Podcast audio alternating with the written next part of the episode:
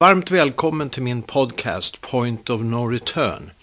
Idag ska vi prata med Hans Blix om Irakkriget. Varmt välkommen och egentligen så behövs det väl inte göras någon presentation av dig. Jag tror att de flesta vet vem du är. Jag kommer från en akademikermiljö i Uppsala men eh, jag bröt mig från den medicinska traditionen i familjen och studerade juridik. Och jag växte upp då i andra världskrigets slut och tyckte att jag ville göra något meningsfullt i livet. Och när man såg ut över världen så var det självklart att om man kunde bidra på något sätt till en fredligare värld så var det någonting som jag ville göra. Och jag tänkte ett slag på att jag skulle komma in i UD men någon varnade mig och sa att du ska väl inte bli en kisse som ska luncha hela ditt liv. Och då bestämde jag mig istället för att specialisera mig på internationell rätt och jag läste, tog en doktorsgrad i Cambridge och jag tog en i Stockholm. Jag var inriktad på en akademisk karriär. Men jag var också politiskt intresserad och gick tidigt med i Folkpartiets ungdomsförbund. Min kalkyl var det att man ska använda sin politiska möjlighet så mycket man kan och det kan, den kan man förstora genom att vara medlem i ett parti och driva på ett parti. Så jag gick tidigt med i Folkpartiet som låg närmast mina värderingar och fortfarande närmast mina värderingar fast jag inte är aktiv i det. Men eh, min huvudfåra var det juridiska och jag hade, hade då räknat med att undervisa eh, men kom också in som rådgivare till utrikesdepartementet och blev folkrättssakkunnig där under ett antal år. Och där så deltog jag i internationellt arbete i FN i kodifikation av internationell rätt och fick naturligtvis ofta ta ställning och ge råd inom utrikesdepartementet om rättsliga aspekter på utrikespolitiska problem som kom upp. Så blev jag statssekreterare i biståndsfrågor. Jag visste inte så mycket om utvecklingsländerna men jag lärde mig det och tyckte det var fascinerande. Jag var där några år. Och så blev jag minister under ett år i Ullstens minoritetsregering. Och efter det så valdes jag till generaldirektör i internationella atomenergiorganet i Wien. Och där var jag mellan 19 81 och 1997 är 16 år. Så jag hade fyra mandatperioder och jag brukade säga det att de kanske inte visste vad de gjorde när de valde mig första gången. Men jag känner mig i alla fall stolt över att jag kunde bli omvald ett antal gånger. Jag kunde även ha blivit omvald 1997 om jag hade velat men jag tyckte det var dags att lämna då. Och den delen av mitt liv tycker jag kanske har varit den mest givande, den mest produktiva. Så det var en verksamhet under 16 år där som jag tyckte var väldigt meningsfull och där vi skrev många nya konventioner som handlar om, om standard för säkerhet i drift av kärnkraftverk och standard i hantering av, av avfall och frågor om ansvar, skadeståndsskyldighet och om granskning, verifikation att den fredliga kärnkraften inte missbrukas. Det var en period då mycket hände också när jag kom dit 80, 81. Vi hade haft eh, Three Mile Island-lyckan bakom oss då Eh, Eh, så det var mycket att göra. Vi fick sen Tjernobylolyckan 1986 och vi fick Irakkrisen eh, 1990 då vi upptäckte att våra verifikationer inte hade eh, fungerat som de borde, att de inte var tillräckligt starka. Vi fick Nordkorea-historien då vi också, där vi dock upptäckte att de höll på att gömma saker. Så det var en väldigt händelserik period och, och spännande. Och jag hade inriktat mig på att skriva en bok om både om Irakaffärerna och Nordkoreaaffärerna jag kom tillbaka till Sverige och pensionerade mig 1997. Men år 2000 så lockade Kofi Annan mig över för att ta upp och, och driva en inspektioner i Irak igen. Och där fick vi vänta ett par år men år 2002 så släpptes vi in i Irak och sen är det klart det var ganska mycket dramatik under den tiden som vi var där och då innan, innan amerikanerna tog över jobbet från oss och började inspektera och till sin förvåning kanske eh, upptäckte att det fanns inga massförstörelsevapen där. Kan vi gå tillbaka lite grann till det? Jag menar, för det första så hade det inte varit några inspektioner i Irak på nästan fyra år blir det ja, väl? 98. Ja, och, och vad, vad, vad, berod, vad berodde det på om vi går tillbaka? Ja, det var ju inspektioner under, under större delen av 90-talet. Och den nukleära sidan, kärnkraft, kärnenergisidan, så var jag ju ansvarig för dem i sista hand i IAEA i Wien och vi hade inspektörer där. Och vi hade ju kommit till slutsatsen 97, även Mohammed Baradei som tog över 1998 att irakerna hade ingen kapacitet kvar att göra några kärnvapen. Det var uteslutet. Vi hade nosat igenom allting, vi hade förstått hela programmet och så vidare. Medan Unscom som satt i, i New York, de eh, jagade fortfarande efter kemiska och biologiska medel och en del missiler. Och de eh, anser inte att det var tillräckligt uppklarat vad som skulle kunna tänkas vara kvar. I slutet av 98 så var relationerna kärvare och kärvare mellan inspektionerna och irakerna. Och det som väckte mångas misstänksamhet med rätta tycker jag, det var det att, att irakerna stoppade en hel del inspektioner. Inte från IAEA, men från UNSCOM stoppade inspektionerna. Och de, man frågar sig då varför stoppade de inspektionen om de inte hade någonting att dölja. Och jag tror nu att det kan finnas skäl för det. Det finns de som menar att Saddam ville gärna skapa en, en, en oro att han kanske hade en del vapen. De flesta andra misstankar att ja, de kanske har något kvar i alla fall när de inte släpper in inspektörerna. Får jag bara skjuta in en, en, en, fråga här? Jag menar, samtidigt så sa ju då, anklagade ska vi säga, den irakiska regimen då eh, inspektörerna för att så att säga rapportera direkt till amerikanerna, med andra ord att spionera. Jo, men det tror jag är en väsentlig punkt. Och eh, det är ingen tvekan om att när UNSCOM tillskapades 1991 så ville amerikanerna ha kontroll över det hela.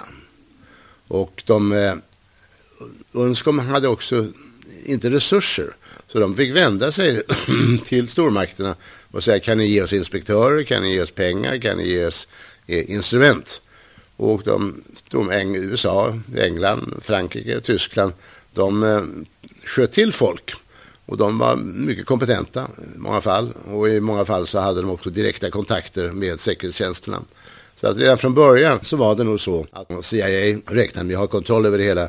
Och de hade lättare kontroll över New York än vad de hade över Jaea, För vi hade en apparat som var färdig och som inte bestod av några utländska agenter. Och så till slut så blev detta Unscoms fall 1999-1988 så kördes Saddam ut dem eller han drev ut dem. Och det uppdagades då och då mer och mer att, att, att kanalerna mellan inspektörerna och säkerhetstjänsten i CIA att de var mycket täta och det väckte skandal i New York eh, för att det här var en FN-inspektion som skulle företräda FN och inte företräda en enskild makt. Och vi hade också blivit utnyttjade av, av CIA men eh, inte på samma grad och, och vi hade värjt oss emot detta. Så att när en ny kommission skulle tillsättas genom en resolution i slutet av 1999. Då skrevs till generalförsamlingen i säkerhetsrådet uttryckligen att, att de som arbetade där skulle vara international civil servants, internationella tjänstemän. Och det var uttrycket för att de skulle inte vara agenter för några av säkerhetstjänsterna. Och det var också min ambition. Och jag tycker att det är en av de väsentligaste eh, uppgifterna som jag ser i internationella organisationer.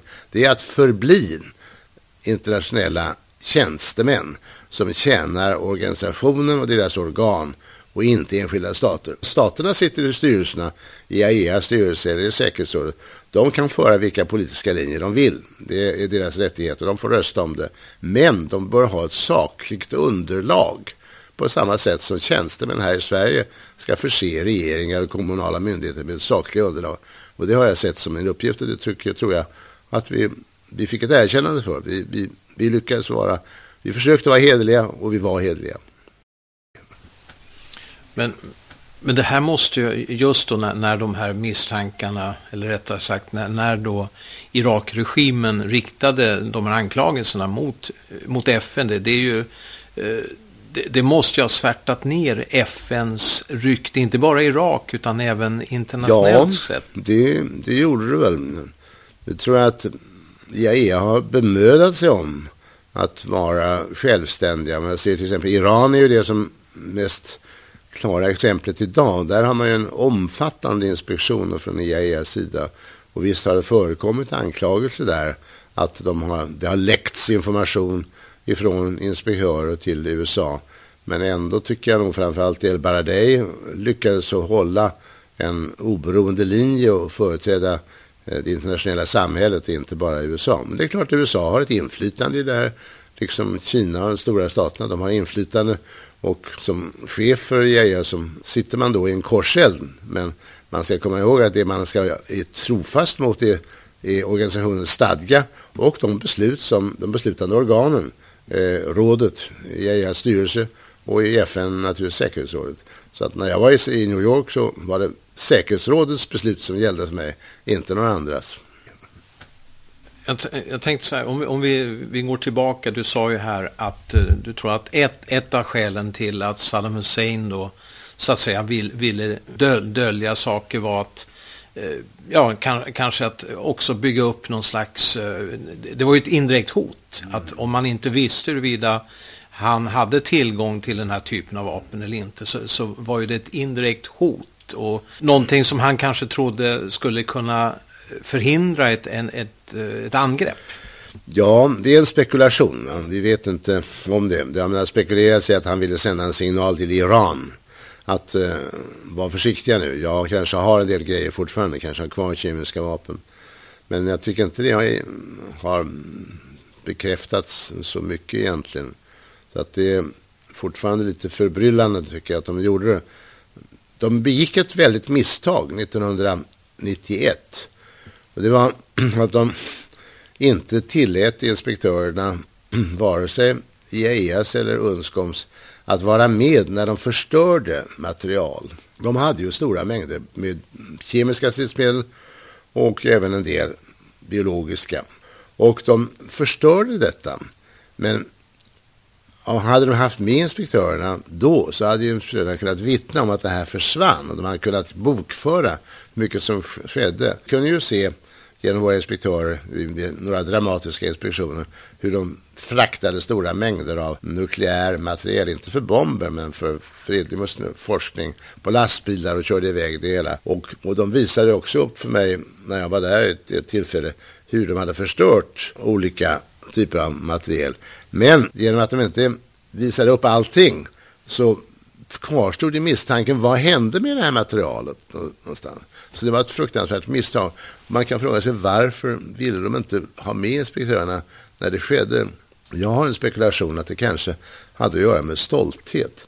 Det var på något sätt en sorts förnedrande i alla fall att här måste vi själva vara med och förstöra och internationella inspektörerna ta bilder av, av det hela. Jag fick det, den intäcket när vi hittade ju en del missiler som gick längre här, eh, än vad, de borde, vad som var tillåtet. Och vi beordrade då att de skulle förstöra den. Och det gjorde de. Men de bad samtidigt att kan vi inte låta bli att, att ta kamerabilder av det här, filma det hela. Och det gick vi med på. Det var ju förstörelsen som var väsentliga. Vi kunde bokföra det hela, vi behövde inte ha filmerna. Men jag fick den då känslan av att det här var ändå, ändå psykologiskt förnedrande. Och vi var inte där för att förnedra irakierna, men för, för att tillsäkra att det inte fanns vapen kvar. Så att det, eh, det är ganska mycket psykologi i detta också. Och du, du blev då chef för, för uh, vad heter det? Uh, un, Unskom. Un, un, Unmovik, ja. precis ja. Uh, 2000, det tog då näst, nästan två år för ja. dig att in, innan ni fick ja. börja ins, ja. påbörja inspektionerna. Ja. Hur, hur, jobbade du ja, under den vi tiden? jobbade målmedvetet. Irakerna, regimen, de hånade oss och sa att ja, de, de, vi bryr sig inte om, de finns inte. Så småningom så började de säga att vi var spioner. och då sa, sa jag något tillfälle offentligt att ja, nu har vi, har vi liksom eh, promoverats här i, i yrkesskalan. Tidigare var vi ingenting, nu är vi i alla fall spioner, det är alltid något. Men, men hur använde vi vår tid? Jo, vi rekryterade folk och vi gick runt i hela världen, i alla länder. Och eh, lät också folk anmäla sig frivilligt. De behövde inte gå igenom sina regeringar. Det var också andra som anmälde sig. Och så och tränade vi dem. Vi hade kurser, utbildade dessa. De, för det första hade vi intervjuade alla. Eh, och så var de kom från. Att de hade, hade några kredensialer. Att de kunde biologi eller kemi eller vad det var för någonting. Och sen så rekryterade de. Men vi kunde ju inte ha hundratals människor sittande i New York. Utan vi fick ha då liksom ett system så att de fick åta sig att de skulle kunna ställa sig till förfogande på ganska kort varsel. Fick behålla sina yrken hemma men skulle kunna ställa sig till förfogande. Så vi hade då en stor kader av människor jorden runt som vi kunde kalla in till, till det ögonblick när irakierna släppte in oss. Och det gjorde de då så småningom. Och då var vi ju ändå ganska snabba med att komma in där och med tränat folk. Vi hade då en fördel jämfört med Unscom som gick in där i början på 90-talet. De hade ju inga tränade personer alls utan de fick liksom on the job training. Och det var ju många som var mycket duktiga där. Men vi hade alltså den fördelen att vi kunde träna folk. Och jag fann massor av sådana här kurser för inspektörer som jag hade. Jag tror jag, jag deltog och jag höll föreläsningar för alla de här kurserna. Ett av elementen i dem, det var också att man skulle vara medvetna om den kulturella bakgrund som man ger sig in i. Här kommer folk med olika religioner och föreställningar och man kommer in i ett muslimskt land. Man, man går man ut som turist och tittar på en moské så ska man vara medveten om att man, man uppför sig väl, att man lämnar sina skor. Och man, man ska ha förståelse för den kulturella bakgrunden. Vi är inte där för att förödmjuka irakerna, vi är där för att undersöka och att försöka få dem själva, i deras eget intresse, att visa upp och tala om vad de har för någonting. Det var min förhoppning hela tiden, att man skulle kunna åstadkomma en, ett sådant samarbete där de inser att vi är inte där för att straffa dem, utan vi är där som en möjlighet genom vilken de kan vi antingen visa upp vapnen och göra av med dem, eller också att visa och övertyga världen att de inte har några kvar. Folk tror ju alla att jag var en sorts överinspektör. Jag är ju jurist. Det passar inte någon särskilt bra för att vara ute och leta efter kemiska vapen. Utan det är inspektörerna som gör det. De kan kemi och de kan biologi och de, och de har sina rutiner. Och vi hade, ja, som tur var så hade jag en grekisk medarbetare som hade varit den, som antagligen var världens mest erfarna inspektör. Dimitri Perikos hette han. Och han kom från IAEA. Han anmälde sig hos mig så fort jag fick det här jobbet och sa att Hans, jag finns till ditt förfogande om du vill ha mig. Och det vill jag. Och han var en utomordentligt kraftfull och objektiv ledare. Inte så lätt att ha att göra med och skrämde många. Men mycket, mycket duktig.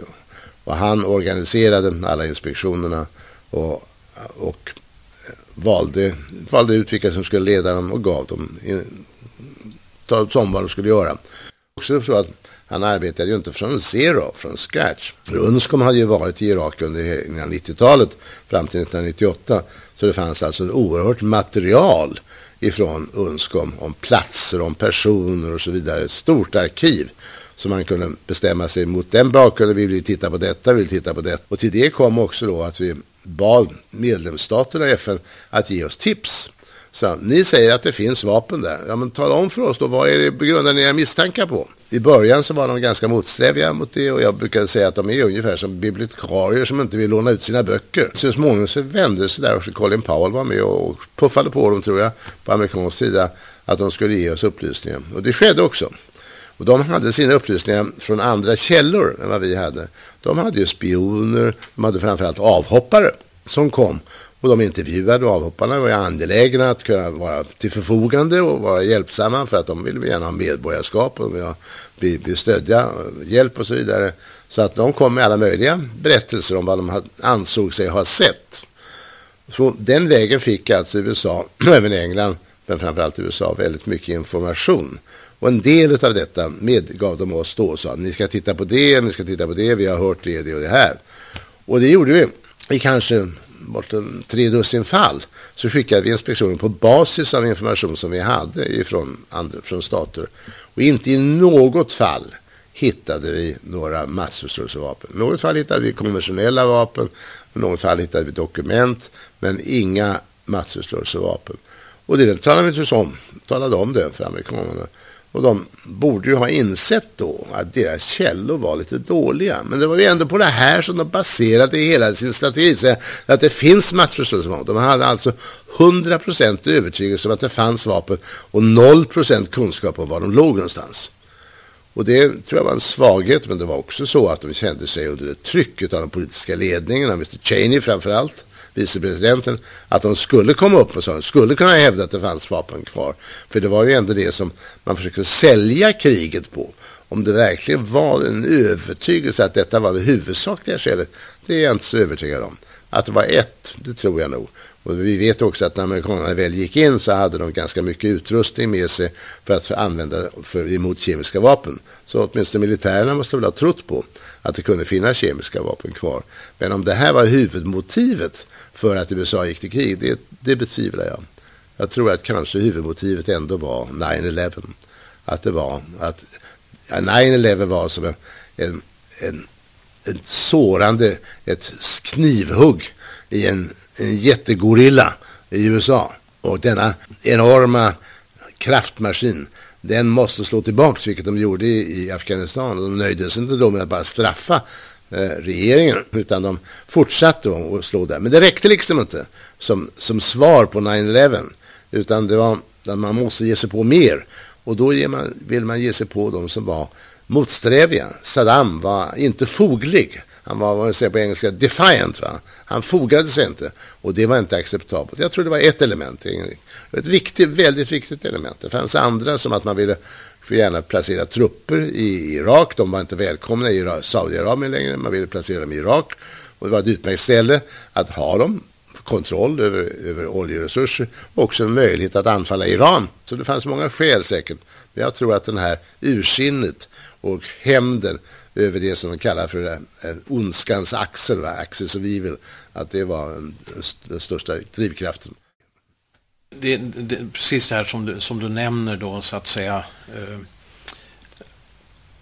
tankarna som, som, som, som föddes i, hos eh, Bush-administrationen då i samband med 9-11. Men, men samtidigt när det gäller, när det gäller Irak så, så har jag fått intrycket att där hade man, man hade nästan bestämt sig, man hade planer på att eh, på något sätt eh, kväsa Saddam Hussein-regimen redan före 9-11?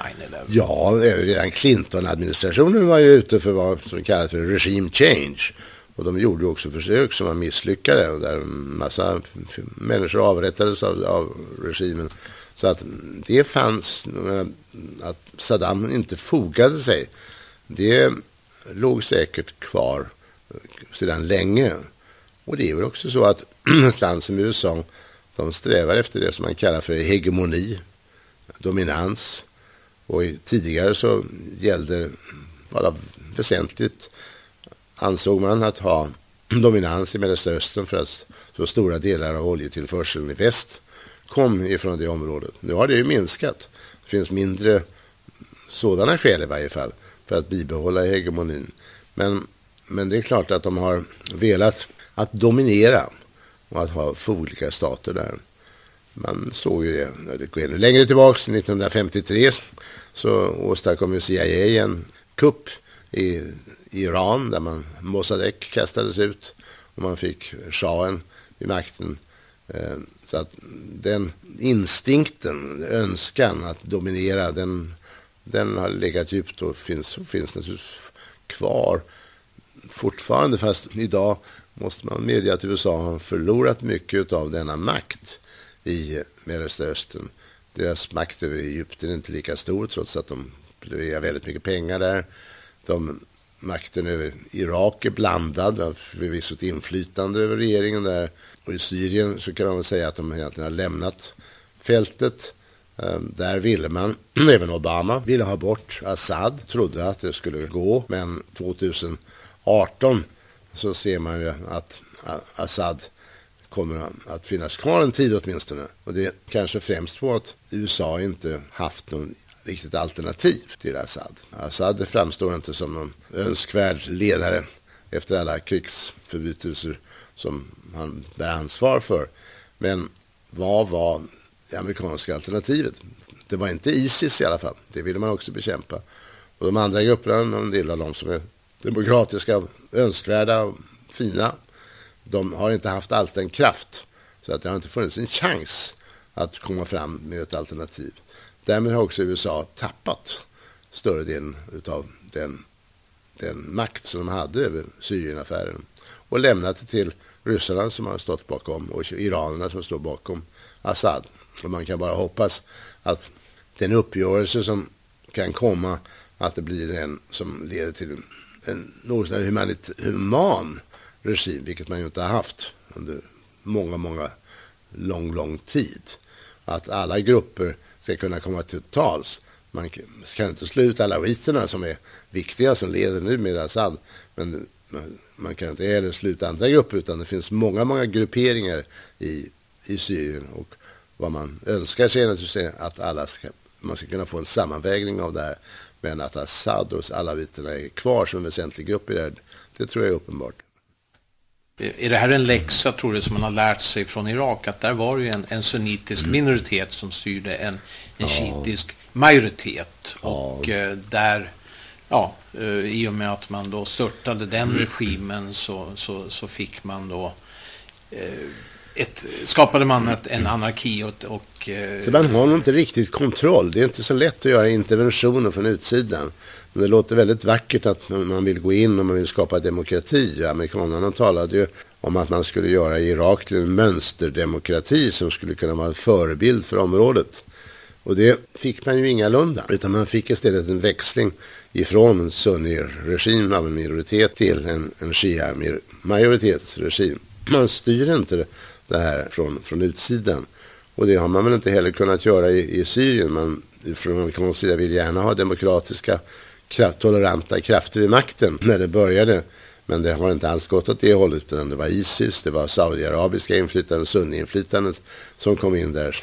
Så jag tror att den läxa jag skulle vilja ha sett och som jag tror att Obama i viss mån tog till sig i Irakkriget, det var det att intervention från utsidan att åstadkomma en demokrati, det är nästintill omöjligt. Han eh, lät bli att låta USA spela någon större roll i den libyska affären. Utan det var Frankrike och européerna som gjorde det. Och det var också en mening att man skulle få bort en hemsk diktator och en blodig diktator och skapa ett demokratiskt styre. Och risken är, var där, liksom i Irak, att man går ifrån från tyranni till anarki. Man går inte från tyranni till demokrati, utan man går till anarki. Man frågar människorna som bor där, vilket föredrar ni egentligen? Vilket tycker ni är värst? Och jag tror för min del många av dem kommer att svara att kaos, anarki är värre än diktatur. Och det tycker jag att man borde ta till sig. Förutom att det FN-stadgan förbjuder ingripande med vapen utifrån så borde man också inse vilka begränsningar man har. Det tror jag Obama insåg. Och han gick inte in i Libyen. Jag högaktar honom för att han, när syrierna och Assad-regimen hade använt kemiska vapen i Ghouta i början av kriget, så fanns det ett oerhört tryck på att Obama skulle gå in med vapen och straffa eh, Assad. Och han blev oerhört kritiserad för att han inte följde upp detta och straffade.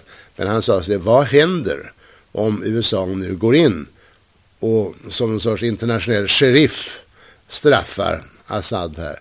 Var hamnar vi? Vart går det? Blir det ett stort krig av det? Och han avstod ifrån från det hela. Och istället fick han då tillsammans med ryssarna den märkliga uppgörelsen som ledde till att i varje fall de största delarna av de syriska kemiska förråden att de forslades ut. Kanske har funnits en del kvar, möjligt, men i alla fall mycket stora mängder gick ut ur landet.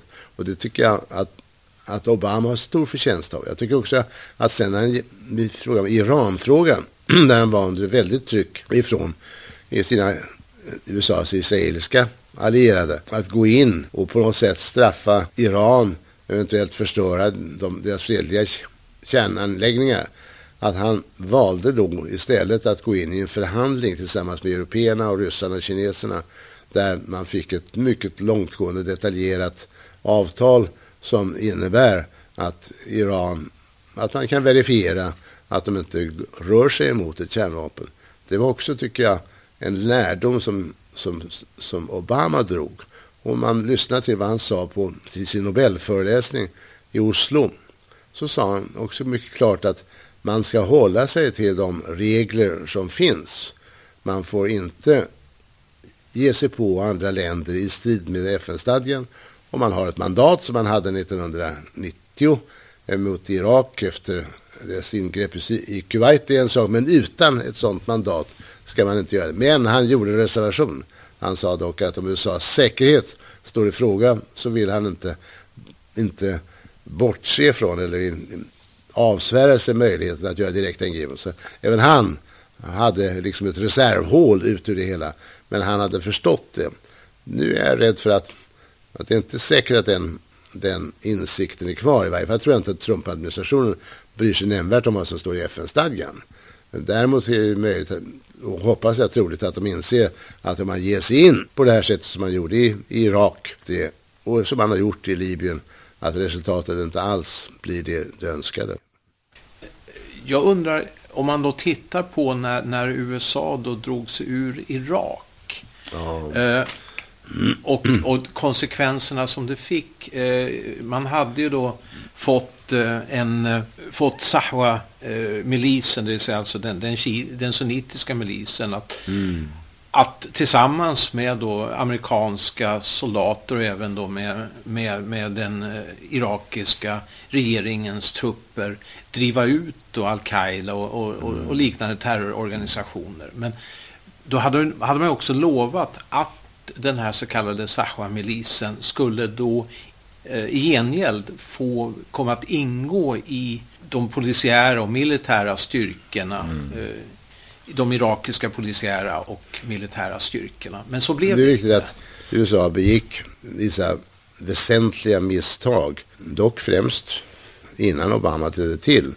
Och det ena var då att demobilisera militären helt och hållet som har dominerat av sunnis och därmed släppa lös en väldig massa människor som blev missnöjda och som sunnis eh, inte fick så mycket inflytande. Och det andra var att driva ut sunnis ur förvaltningen också. Man byggde upp alltså ett internt missnöje. Man kan ju säga då att du talar om att, att USA drog sig ur Irak. Jag tror, visst inte ansåg ju Obama att Irak var vad han kallar för ett dumb war. Men han, det, var inte en an, det fanns inte en angelägenhet från amerikansk sida att dra sig ur. Man hade nog kunnat vilja stanna längre.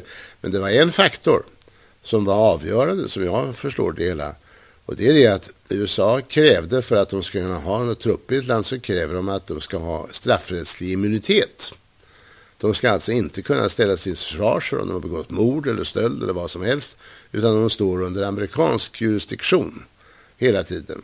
Och det är naturligtvis förödmjukande och föga tilltalande för värdländerna. Men det är en linje som USAs militär driver konsekvent över hela världen. Att ska vi finnas med våra trupper då får de inte underkastat nationell jurisdiktion. Och det kan finnas goda historiska skäl varför man gör det. Men irakerna var inte villiga att ge det. Och då sa amerikanerna att ja, då drar vi oss ur det hela.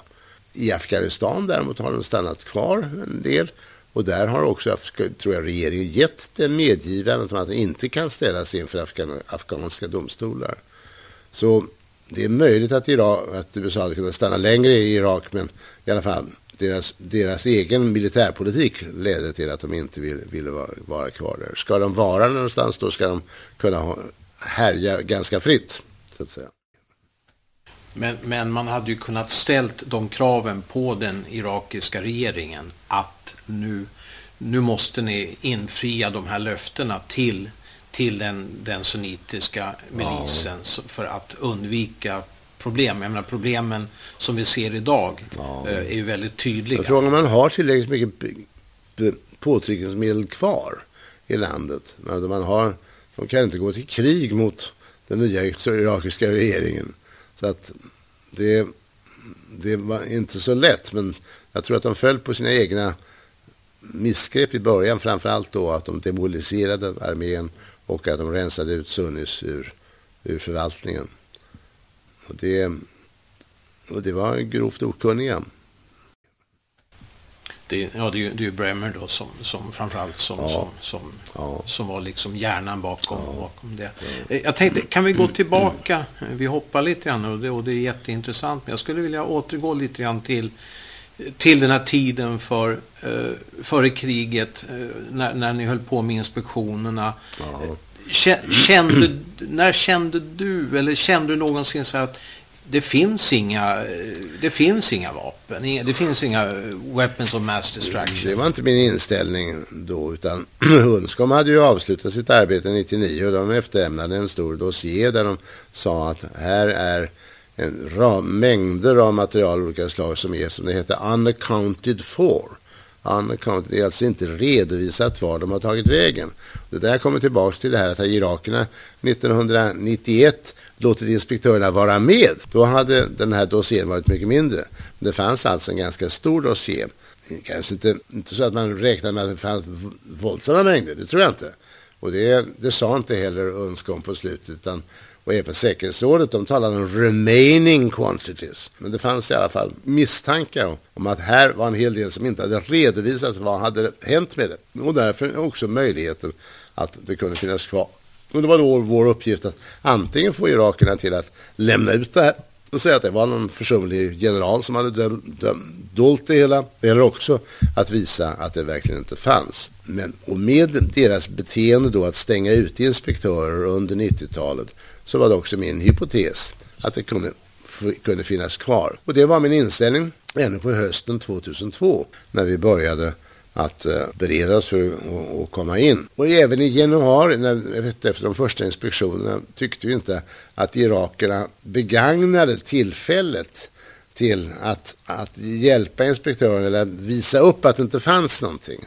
Vi tyckte inte att de samarbetade så proaktivt som de borde. Jag sa för en stund sedan att jag såg inspektörerna inte som en straffkompani utan som ett kompani som är där för att korrekt som en polis, en korrekt polismakt inspektera och höra och få underrättelser av de inspekterade. Så om det fanns något kvar så skulle de ha gjort det. Det hade de vunnit på. Men även i december 2002 och januari 2003 så tyckte jag nog att de kände sig mera bestraffade. De hade svårt att frigöra sig från känslan att det här är någon straffpluton som kommer.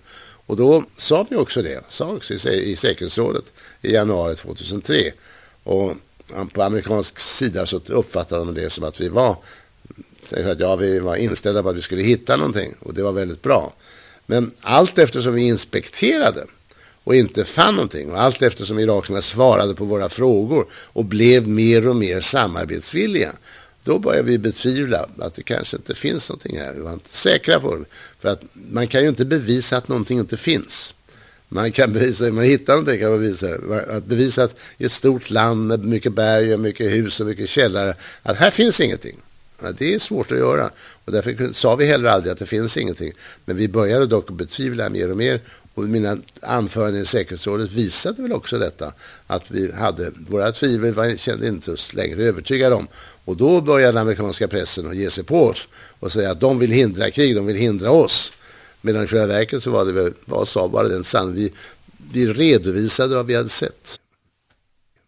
Jag, jag, tänkte så här, eh, jag misstänker att du som alla andra såg Powells eh, ja. Powerpoint-presentation. Ja. ja, jag satt tvärs över bordet. Hur reagerade du då? Jag menar... Jag höll masken. Du höll masken. Du, du, du kände att det här... Ja. Det, det, det fanns ingen, ingen som Nej, helst... inte fullt så. Därför att de, spelade upp samt, telefonsamtal som de hade avlyssnat. De plockade upp saker som de hade sett och som spioner hade hittat och så vidare. Och det var ju inte under min kontroll. Och det kan jag, tänka, jag kunde ju tänka mig att ja, kanske de har hittat någonting som vi inte ser med våra metoder. Men vi hade dock varit där vid slutet med hela 700 inspektioner på åtskilliga hundra platser. Så att jag lyssnade med stigande tvivel i alla fall på vad som kom där. Och det fanns vissa punkter där som vi också kunde kontrollera. Och som jag sa till mina medarbetare, det här får ni gräva i. och är det fel så måste vi säga det. Och vi antydde med all, all hövlighet mot Colin Powell, som jag tycker var en, en stor personlighet, så uttalade i alla fall andades tvivel. Och det upptogs inte särskilt väl. Men, men det var inte så heller att vi blev nedtystade i det. Jag tänkte också, om vi, vi, går tillbaka lite grann. Du, du satt ju mesta tiden då, om jag förstått saken rätt, i New York. Ja. ja. Uh, och uh, det är alldeles uppenbart att, att uh, du var väl inte Vita husets stora Nej, favorit. Nej, de såg väl instruktörerna som hinder. Och det hade Cheney sagt redan innan USA gick in på att vi skulle vara inspektioner, att de, de här de kommer bara vara till besvär. Men, men jag får samtidigt säga att våra relationer till officiella USA, till framförallt ambassaden i New York och även State Department i Washington, att de var mycket korrekta hela vägen. Vi hade inte några utskällningar från deras sida, medan, men det var media som var som, som, som vargar efter oss så att säga. Men, men, men, samtidigt så det förekom eh, avlyssning och ja, sådana saker. Jo, det är klart. Jag hade, Pentagon tror jag inte vi hade några vänner, men det var inte så att de låg efter oss. Men jag hade någon ordväxling med Wolfowitz vid något sammanträde på State Department vid något tillfälle där man, man kunde förstå att de inte tyckte om det. Och, och vi, det framgick också i pressen att Wolfowitz hade, som han då var, uh, deputy i, i Pentagon, han hade vänt sig till CIA för att se om han kunde hitta några negativa uppgifter om mig. Och han hade tydligen blivit ganska arg när han från Pentagon fått höra att de hittade ingenting negativt om mig. Så det är klart, de, de tyckte inte om detta. Det var, vi framstod som hinder på vägen. Samtidigt, eh, en del av den, den informationen som amerikansk media hade tillgång till hade ju kommit. Ja, det är klart att de, eh, de puffade ut en massa information så, så går det ju till. USA läcker ju väldigt mycket och väldigt mycket avsiktliga läckor också. Och media är hungriga och törstiga och de suger i sig det här och de eh, pytsar ut det i, i, sin, i sina media. De, medan däremot kan man ju säga inspektörer i FN-organisationen de har ett handikapp där. Vi, är inte, vi har inte några sorts stora informationsavdelningar som går ut och som prasslar med pressen. Utan vi går den officiella vägen, vi ger rapporter till säkerhetsrådet, lägger papper på bordet. Och det är någonting helt annat. Och, och det är klart att i dagens värld där media spelar en stor roll så var det ett övertag. Ehm, de kom till tals, vi kom inte alls till tals lika högt. Men jag tänkte ibland på det, hade vi kunnat vara mer högljudda? Och det exempel som jag ofta tänker på är min kollega efter det, El Baradei, som var ansvarig från de inspektionerna på nukleära sidan. Det var ju så att amerikanerna hävdade att Irak hade slutit ett avtal med staten Niger i Afrika om leverans av uranoxid, yellow cake som det kallas för. Och de hade flutit upp ett papper med ett sånt här kontrakt. Och det kom ifrån, hade, hade upphittats i Italien. Och det flöt omkring bland säkerhetstjänsterna, italienska, engelska, kanske franska också, amerikanska. Och även Bush gick ut alltså i State of the Union Message i början av 2003 och talade om det här, denna information att, de, att Irak försökte importera uranoxid. Uran är ju liksom ett sånt här eh, slagord som, som folk tänder på. Men IAEA försökte då att få se kontraktet och till slut så fick de faktiskt se en kopia av det. Och det tog dem bara en halv dag att konstatera att detta var ett falsifikat. Att det var uppgjort. Och då gick El Baradei till säkerhetsrådet och han berättade det här. Och jag trodde det skulle vara en bomb, om uttrycket tillåts, att han släppte det. Men han sa att vi har funnit att det inte är autentiskt. Ja, tänkte jag ibland. Och han har sagt att det här är ett falsifikat. Fake på engelska. Hade det slagit igenom mera? Hade man lystrat bättre? Jag vet inte. Men det var korrekt vad han sa. Och de amerikanska diplomaterna, de måste ju ha fullständigt klart för sig att det här var ett falsifikat. Men man kan säga att FN-stilen, vi, vi använder oss inte av så starka uttryck i ämnet, utan det är lite nedtonat. Och det var det också i det här fallet. Ja, det är en av de få reflektioner som jag har om att skulle vi kunnat vara varit mera högljudda. Jag tror inte att jag hade kunnat vara mera högljudda. I varje fall var det ju så att världen både då och senare uppfattade de inlägg och de rapporter som jag kommit till säkerhetsrådet att Blick säger att det finns inga vapen. Ja, det var en överdrift. Det sa vi inte. Det framskymtade tillräckligt mycket i vad vi sa att man förstod att vi betvivlade.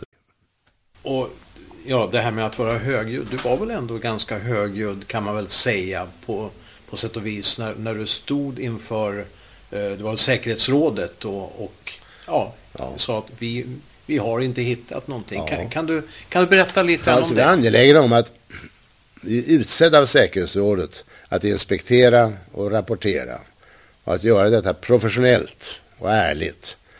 Och där satt jag med mina medarbetare, med Perikos och med andra. Och jag skrev mina tal själv. Jag skriver alltid mina tal själv. Och satt i min lya på Manhattan på, sent på kvällarna och jobbade länge. Och när det var, mina utkast var färdiga så gick jag till kontoret och så kallade jag in en grupp om fem, sex personer som har fått texten och läsa igenom det hela sida för sida. Vi gick runt laget hela vägen. Började allmänt med de yngsta för att de inte skulle känna sig ledda av de äldre. Började med de yngsta för att de skulle kunna säga sin mening fritt. Och sen replikera, diskutera deras invändningar, ändra, justera talen. Så att de utkast som jag gjorde, de gick igenom en, en ganska hård tvätt också stilistiskt, i varje fall ordval. Min engelska är bra men den är inte 100 procent. Så att även det justerades då och då. Så de tal som jag höll där var produkter av en, en ett ärligt försök att rapportera, att rapportera och att ärligt formulera, nyanserat rapportera om vad vi hade sett för någonting. Och det belönades faktiskt. New York Times tog, jag tror det var två av mina anföranden som de tryckte i sin helhet. Men, men du vädjade ju också eh, om att få mer tid för att kunna fortsätta ja, inspektionerna. men återhållsamt. För att vi uppfattade oss, och jag uppfattade oss själva som tjänare till säkerhetsrådet. Inte till, vi hade inte blivit ombedda att tala om för säkerhetsrådet så här ska ni göra. Utan vi var deras tjänare. El Baradei var lite mera framåt där. Han sa att det mera tid är ger freden en chans så att säga. Jag minns inte exakta formuleringen. Men han gick lite längre än vad jag gjorde. Vad jag sa var att vi blir tillfrågade om vi, hur lång tid behöver ni? Och då är mitt svar att det, det räcker inte med en vecka. Det räcker inte med en månad. Men det behövs inte år, åratal. Så att i det låg det naturligtvis en vädjan att vi skulle få mera tid. Trodde du då att eh, när du höll det anförandet i, i säkerhetsrådet att, att nu, nu, nu har vi lyckats skjuta upp den här invasionen? Nej, det känner jag mig inte övertygad om. Men, men det var ju också så att det, det var andra krafter som ville skjuta upp invasionen. Och de viktigaste var väl kanske engelska. Eh, Blair han gjorde vad han kunde för att gå på amerikanerna och säga kan vi inte ha någon ny metod här där vi sätter upp tio stycken eh, frågor som de bör besvara och när de lyckas besvara dem tillfredsställande så kan vi gå vidare till nio nya. Och är det att de inte besvarar tillfredsställande, ja då ska det vara fritt fram för militär åtgärd. Så Blair gjorde sitt försök. Han, han var mycket illa berörd av att man inte hade en säkerhetsråds auktoriserande av att gå in militärt. Så han försökte, men han var inte ensam. Det var också chilenska presidenten, det var mexikanska sidan, det var kanadensarna, det var många andra som puffade på amerikanerna. Men det var klart, tycker jag då, i varje fall efterhand, att amerikanerna hade satt mars eller mitten av mars. Och så här, har vi inte klarhet i det hela till mitten av mars, då går vi in. Och jag, därmed har jag också sagt att jag tror inte att det var bestämt på hösten 2002 att de skulle gå in. jag tror att de hade ett beslut kanske om att, att ja, om vi inte har fått det hela uppklarat på något sätt, Saddam har gått eller de har fallit i föga och sådär, någonting har verkligen inträffat, då går vi in och då, då tror jag man har fixerat mitten av mars. Och det hade att göra med klimatet.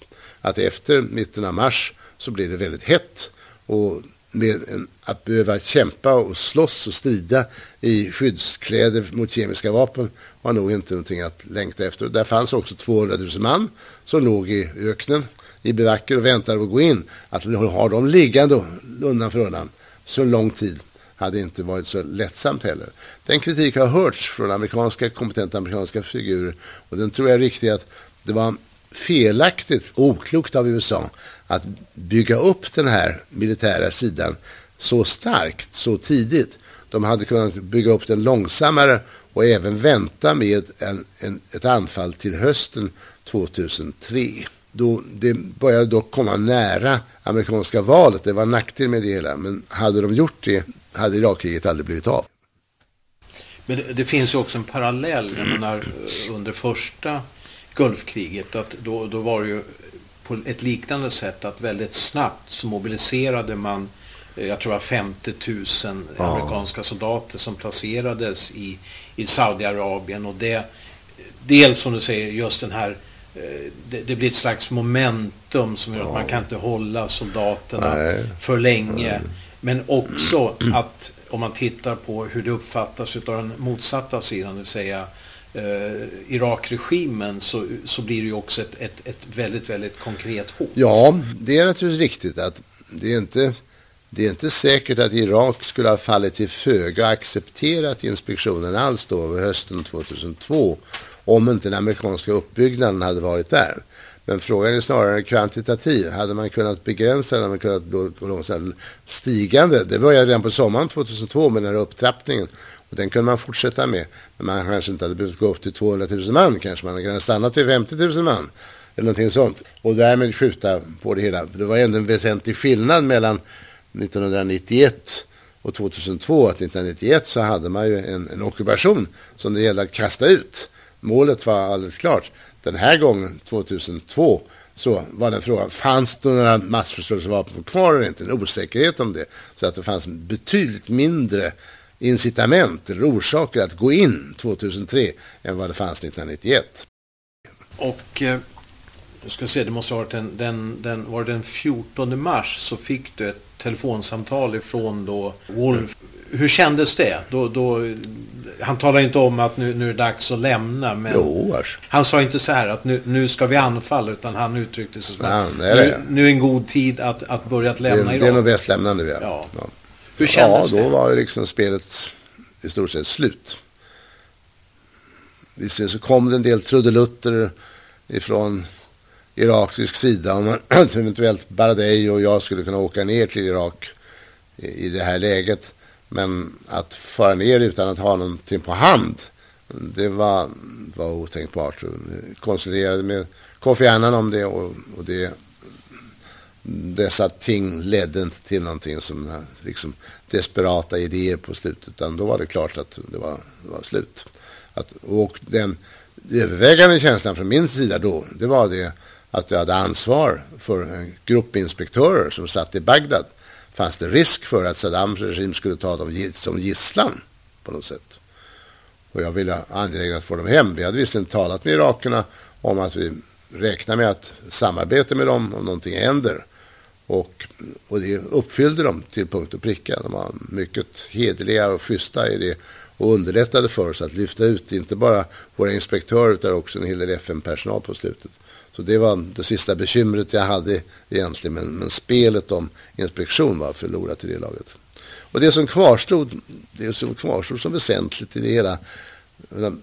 Folk säger ger oss beröm för vad vi gjorde. Jag förtjänar beröm för att vi var ärliga. Och vi gjorde ett professionellt inspektionsarbete. Men vi hindrade ju, kunde ju inte stoppa kriget. Men det som vi vann, tycker jag, vinsten var att FN förlorade inte sin, sin anständighet. Anta att alla hade sagt att ja, inspektörerna säger så här, men vi måste ju tro på amerikanerna med all annan information och vi ger nu ett grönt ljus till anfall. Om säkerhetsrådet hade auktoriserat, bemyndigat ett anfall, så hade det, hur hade vi sett på det idag? I, våra inspektioner medverkade starkt till att FNs säkerhetsråd inte gav något grönt ljus till en invasion som aldrig skulle ha ägt rum. Och jag minns att Joschka Fischer, den tyska dåvarande utrikesministern, han sa att det ligger någonting absurt i det här. Att vi har väntat sedan 1998 för att alltså i fyra, fem år på att inspektörerna kommer in. Så släpper vi dem in dem i bara fyra månader och därefter är det slut. Och det, jag tror jag sammanfattade mycket av vad många kände att inspektionerna skulle fortsätta. Hade de gjort det, ja, då var vi ändå på väg till en mer och mer skeptisk inställning och en mer och mer Irak, samarbetsvilja från irakisk sida. Det var nog inte lätt. Eh, vi hade min opposite number på irakiska, på irakiska sidan var en, ja, vetenskapsman och general, al-Sadi, som säkert skötte sitt, sin uppgift lojalt vad han skulle göra. Men samtidigt så tror jag att han ville, vill, va, ansträngde sig också att få lösningar på det hela och bemödade sig faktiskt att få fram de fakta som kunde visa att det inte fanns kvar några vapen. Ett, ett, ett ex, klart exempel var när det gällde antrax, där vi misstänkte, där fanns alltså mängder av antrax som inte hade redovisats vad hade hänt med dem. Och vi misstänkte att de finnas kvar. Och han föreslog då att man skulle gräva upp mark på stället där de hävdade att de hade gjort av med dem. Och då skulle man finna spåret av detta. Och jag sa okej, okay, göra det. Alltså jag betvivlade möjligheten att han tänkte mig att säga 10 liter mjölk. Hände man i där 1991 skulle man nu 2003 hitta, kunna visa att vi här hälldes 10 liter mjölk 1991. Så jag var skeptisk till det, men för katten ville ju de vetenskapsmännen säga att vi kan göra det här. Så gjorde de det. Man hittade ingen mjölk, man hittade inte, man hittade spår av antrax, så gjorde man. Men vad som var väsentligt var irakiernas uppgifter om att ett bestämt antal kärl som de här funnits i, att de fanns där. Skärvorna fanns kvar och dessa uppgifter om antalet, de stämde. Så det var alltså, det visade tycker jag deras uppfinningsrikedom på att man kunde försöka att, att reparera den skada som hade skett genom att de 1991 inte rapporterade. På samma sätt så sa jag till dem att när ni förstörde allt det här, det måste ju vara människor som deltog i det, lastbilschaufförer, alla möjliga, låt oss förhöra dem. Ja, även det gick man med på. Man spårade upp de här personerna, man kunde förhöra dem igen och så vidare. Så det fanns en, då i februari, för sent, en, en, en villighet, en, en vilja från irakiska sidan att hjälpa till att visa att jo, de här, det här som är oredovisat, det försvann faktiskt på det här sättet. Och det hade alltså, hade vi fortsatt med inspektionerna så hade detta fortsatt. Och därmed tror jag hade grunden försvunnit ifrån att göra krig. Och det är möjligt att amerikanerna också kände att grunden började skaka under dem. De, de var inte nöjda med de rapporterna. De skickade fram stackars Colin Powell att hålla det här anförandet. Det var för att stärka in, den inre amerikanska opinionen att jo då, det är berättigat att gå in där. Och den grunden hade gradvis försvarats om vi hade varit kvar. Så att eh, ja, man, man, man ville helt enkelt eh, bara pusha på ja. den här processen. Ja. Man kunde inte vänta. man hade trupperna på platsen och man, man kände att grunden försvagades. Jag var ju i Bagdad eh, precis i den här vevan så att jag kommer mycket väl ihåg när, alltså. när FN-fordonen började försvinna och så vidare. Det var ja, en, en väldigt blandad känsla för oss som, som var på plats i, i Bagdad. Ja. Men jag, jag tänkte personligen, alltså det här, det här måste ju ändå på, det måste ändå, på något sätt ändå ha känts som ett, ett misslyckande. Det är klart. Det har det. Det hade varit tillfredsställande om det hade kunnat stoppas. Och det var inte så långt ifrån det. Men, men så här efteråt, känner du att ja, vi hade kunnat göra mer? Nej, jag talade om det här. Hade man kunnat tala med större bokstäver? Hade man kunnat få större genomslagskraft? Nej, jag tror inte. Det var ändå en väldigt stor och tung apparat som man står inför. Man, Pentagon och hela makten i Washington och deras inflytande över media. Det tror jag inte. Men jag tycker samtidigt det som är kanske mest beklämmande är att det här misslyckandet som det hela var ändå från för USA. Ett dumb war, ett idiotiskt krig. Att man läxan borde ha lärts mera. Jag vill ibland sammanfatta med de gick in och skulle ut, plocka bort vapen. De visade sig, de fanns inte. Man skulle plocka bort Al-Qaida.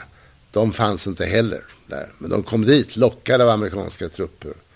Man skulle sätta sig i ett läge där man kunde hota Iran. Man fick istället Shia-majoritet. Och man skulle skapa en mönsterdemokrati. Och man gick istället ifrån ett tyranni till, till anarki. Allt, allt var ett misslyckande. Man kan säga att, att man fick bort Saddam Hussein. Det var en hemsk diktator, ja. Men det var inte det som var huvudmålet med det hela. Det var en, en bisak. Huvudsaken var allt det andra och det var misslyckande totalt. Man borde ha lärt sig av detta att intervenera inte. Låt dem behålla diktaturen, låt dem behålla tyranniet istället för anarkin. Låt dem sköta det själva.